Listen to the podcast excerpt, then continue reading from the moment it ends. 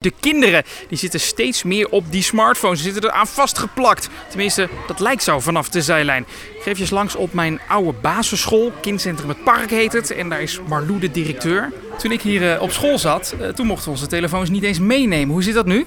Ja, die tijden zijn nu eh, helaas wel echt wel veranderd. De kinderen nemen wel de telefoons mee, maar het is wel uh, voor hun eigen risico. Dus dat betekent uh, onder schooltijd mogen ze niet in de klas. Dus dan hebben ze het of in hun tas of ehm, in hun laadje. En ja, na schooltijd gebruiken ze hem wel gewoon. Ja. Wat voor telefoons zie jij hier in de wandelgangen?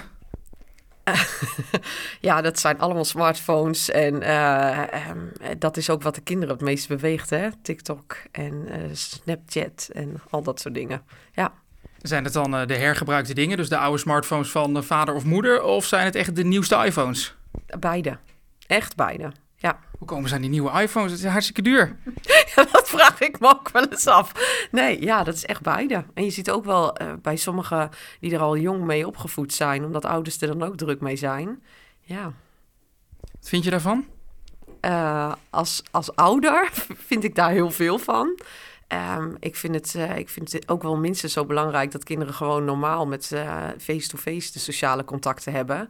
En, en niet via de telefoon. En daarnaast vind ik het wel echt zorgelijk dat het ook een hele wereld is wat je niet altijd kan controleren. Waardoor ze voor hele vervelende, soms hele vervelende situaties komen te staan.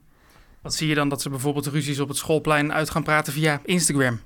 Bijvoorbeeld. Of uh, haatgroepen die aangemaakt worden naar elkaar. Of uh, situaties die zich het weekend afspelen, die hier op school dan weer doorgaan. Wat dan wel social media betreft. Ja.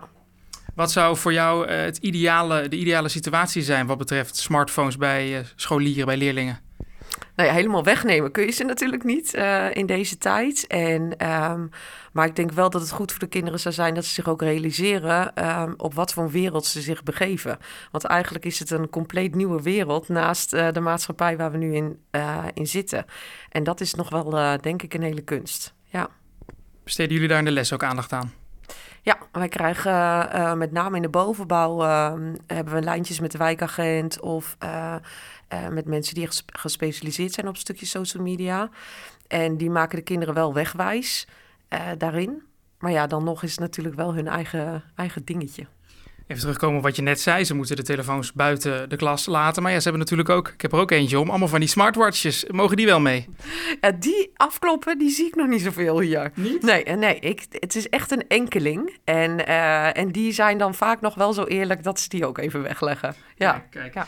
Hoe, jij hebt natuurlijk ook kinderen. Uh, hebben ze bij jou ook de nieuwste smartphones? Zeker niet. Nee hoor, wij, bij ons hebben ze gewoon de afdanketjes van papa en mama.